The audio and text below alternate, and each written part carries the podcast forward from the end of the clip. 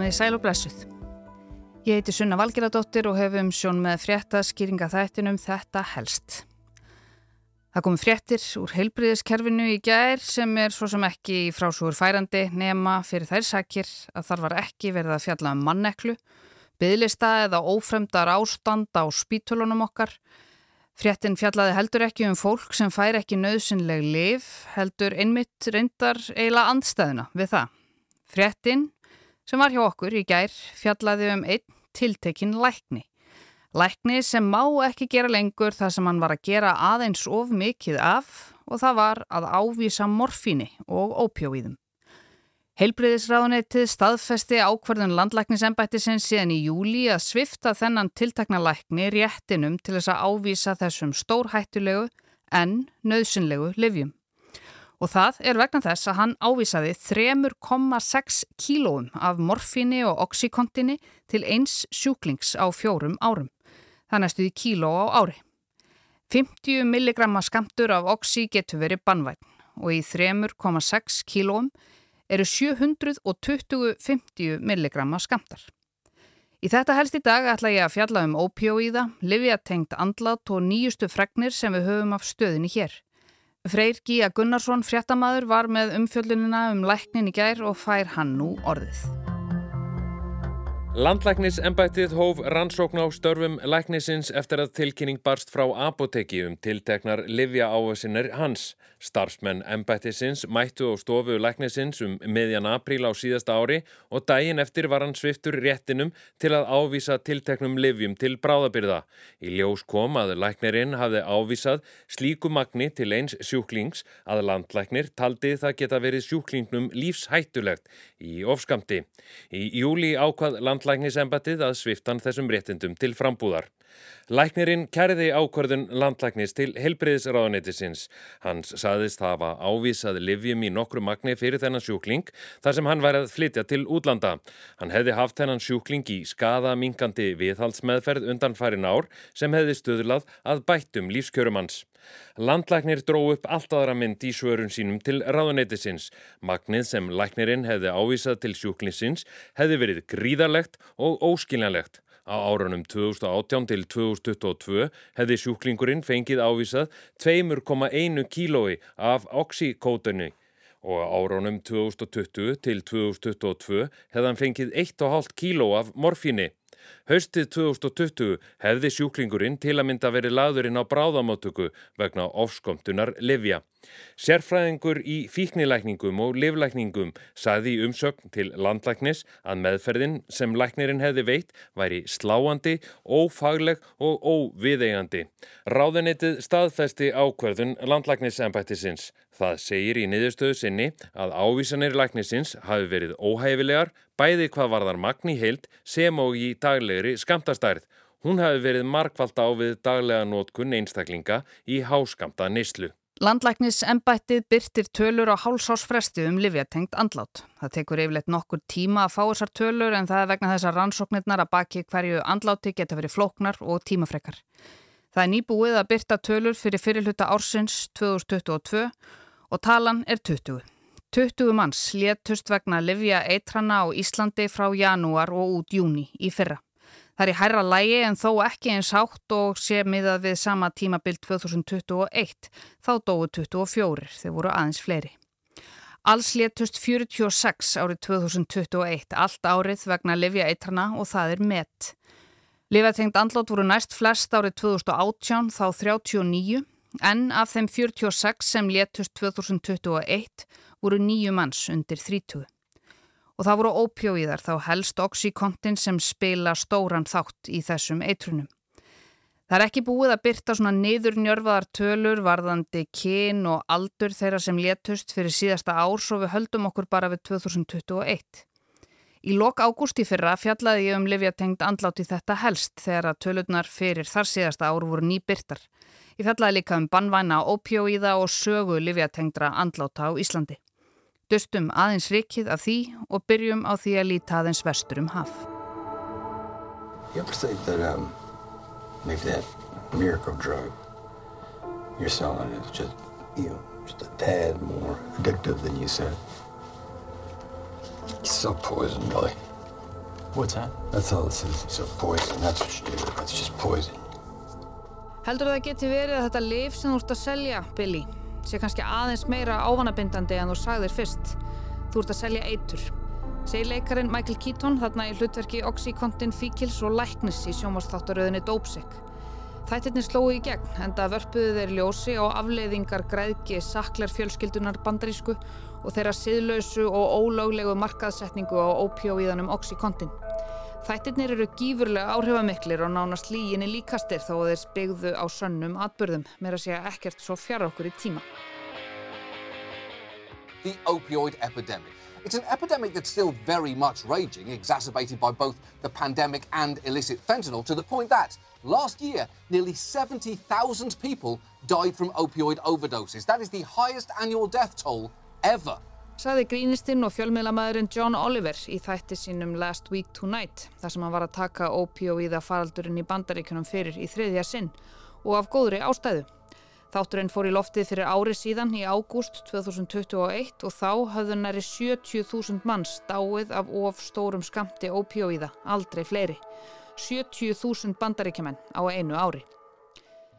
46 manns letu lífið á Íslandi 2021 vegna Livia-eitrana, 24 frá janúar til júni, aldrei fleiri á háls ást tímabili og 22 frá júli til desember. Alls 46, en eitt metið. Ef maður slær livjatengta andlát inn í leitarklukka Google hrúast inn fyrirsagnir á borð við aldrei fleiri livjatengt andlát. Livjatengtum andlátum hefur fjölgað um 47% hjá 30 til 44 ára. 11 undir 30 létust af völdum livja á síðasta ári. Nýr ópjóíða faraldur á Íslandi. Fleiri létust af völdum ávísara livja á Íslandi en í bandaríkjunum. Og svo framvegis og svo framvegis. Andlát eru skráð sem livjatengt þegar megin dánar orsökir eitrun af völdum livja, löglegra eða ólöglegra. Allt árið 2020 voru 37 livjatengt andlát, 2019 voru þau 30 og svo 2018 voru þau 39 eins og áður segir. 2017 voru 30 andlát skráð sem livjatengt og þetta eru ekkert svo rosalega háar tölur með að við reysa landið Ameríku en háar með að við litla landið Ísland. En höldum okkur við síðasta ár og skoðum tölfræðina aðeins betur. Af þessum 46 andlátum var blessunarlega engin undir 18 ára aldrei skráður. Nýju voru þó á aldrinum 18 til 29 ára við andlát. Flestir voru á aldrinum 30 til 44 ára, það voru 17 manns. 13 voru á aldrinum 45 til 59 ára. Fjórir voru 60 til 74 ára og svo þrýr 75 ára og eldri. Meiri hlutin voru karlar sem létust, það voru 28 en konurnar voru 18. Af þessum 46 sem dóu vegna livjaeitrana voru 34 á höfuborgarsvæðinu og 12 á landsbyðinni. Landlæknisembati segir að með að við stærstu flokka dánar orsaka eru livjatengd andlát fá hér á landi.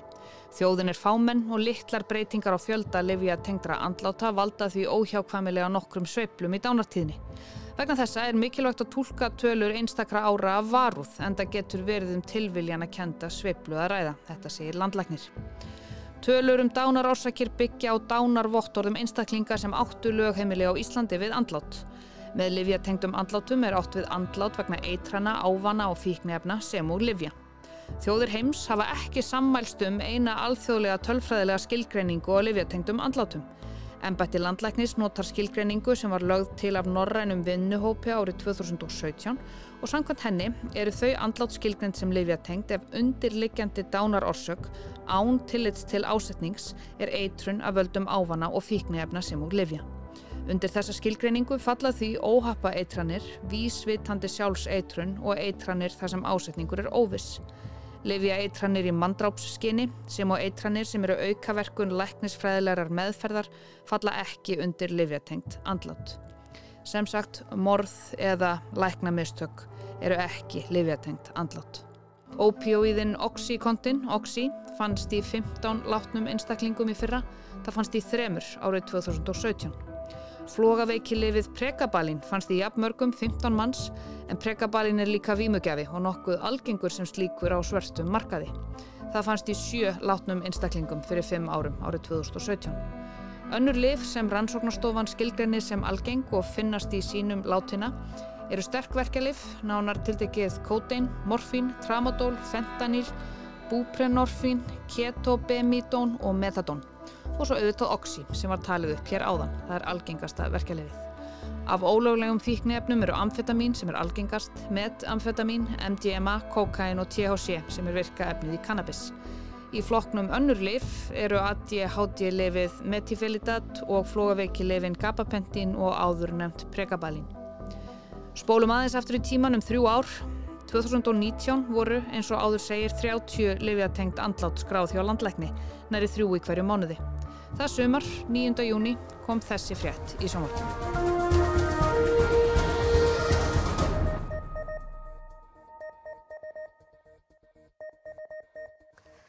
Færri hafa látist á árinu vegna ofneislu lífsæðilskildra Livían á sama tímabili í fyrra.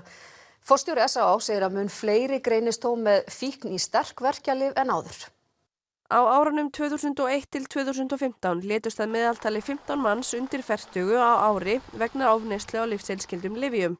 Svo tala snögg hækkaði árið 2016 upp í 27 og 25 manns letust árið 2017. Auðvarslega aukningu er aukning í óbjörna fíkn við greinum ekki fleiri með það núna. Saði Valgerður Rúnastóttir hjá S.A.A. í viðtali við Millu Ósk Magnúsdóttur fyrir rúmum þremur árum. Þá um haustið kom svo önnur frétt, það var sami fréttamaður, sama mál.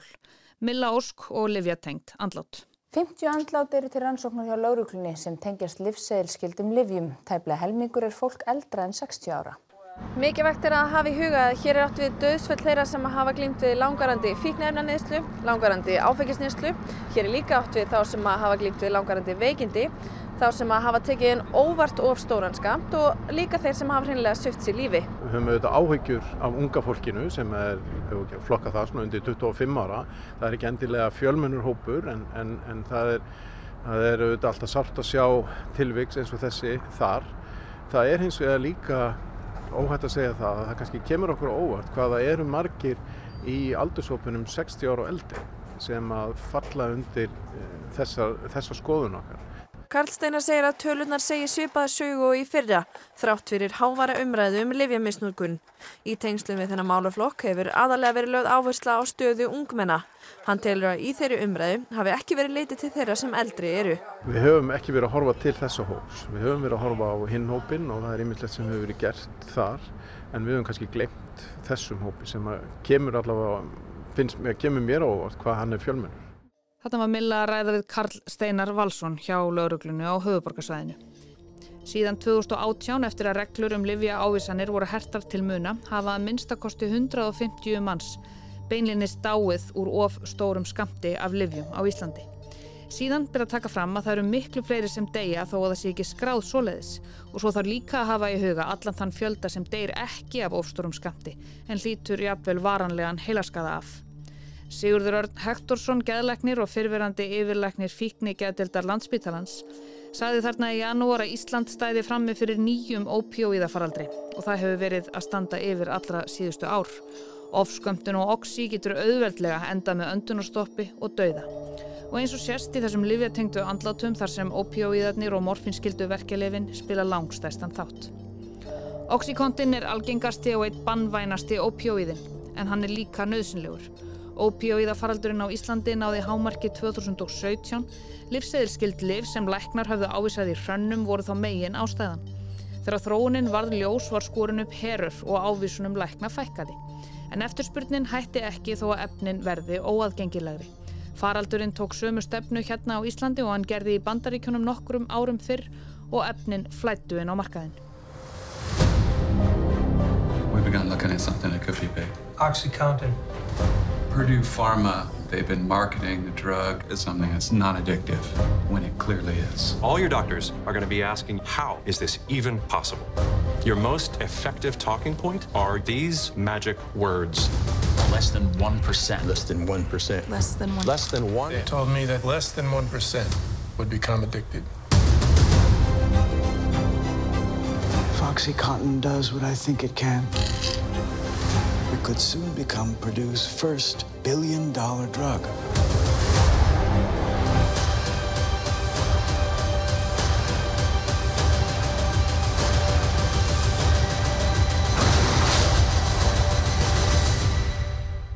can make this the biggest drug in the world. Mikilvægasta lif í heimi, heyrðist Michael Stuhlbarg segja þarna í hlutverki Richard Sackler í Dópsik. Livjarísi Sackler fjölskyldunar, Purdue Pharma, er í dag gjaldþróta eftir gífurlegt magn af lögsóknum, skadabútagreðslum og orðsporsmissi vegna þeirrar ábyrðar sem fyrirtæki var látið sæta vegna ópíóiða faraldusins í bandaríkjónum. Síðustu fregnir af þeim komu í mars þegar fyrirtækjunum var gert að greiða 6 miljardar bandaríkjadala, rúmlega 850 miljardar íslenska króna í bætur og sektir. Og þeir lifðu það ekki af. Eða fyrirtækið þar að segja, saklarfjölskyldan lifðu það hins vegar vel af þó þau hafi mist fyrirtækið úr höndum sér. Og auðvita náðu þau að taka um 10 miljardar bandaríkjadala út úr fyrirtækinu áður en það fór loðbengt á hausin. Fólk verður jú að eiga fyrir salti í grötin. Ég heiti Sunna Valgeradóttir og ávísana glaði Læknirinn, Livjatengdu andláttinn og ópjóiðarnir voru á dagskrá hjá mér í þetta helst í dag. Það er hægt að nálgast þennan þátt og alla aðra þætti af þetta helst þar sem þið hlustið á hlaðvörp. Takk fyrir að leggja við hlustir.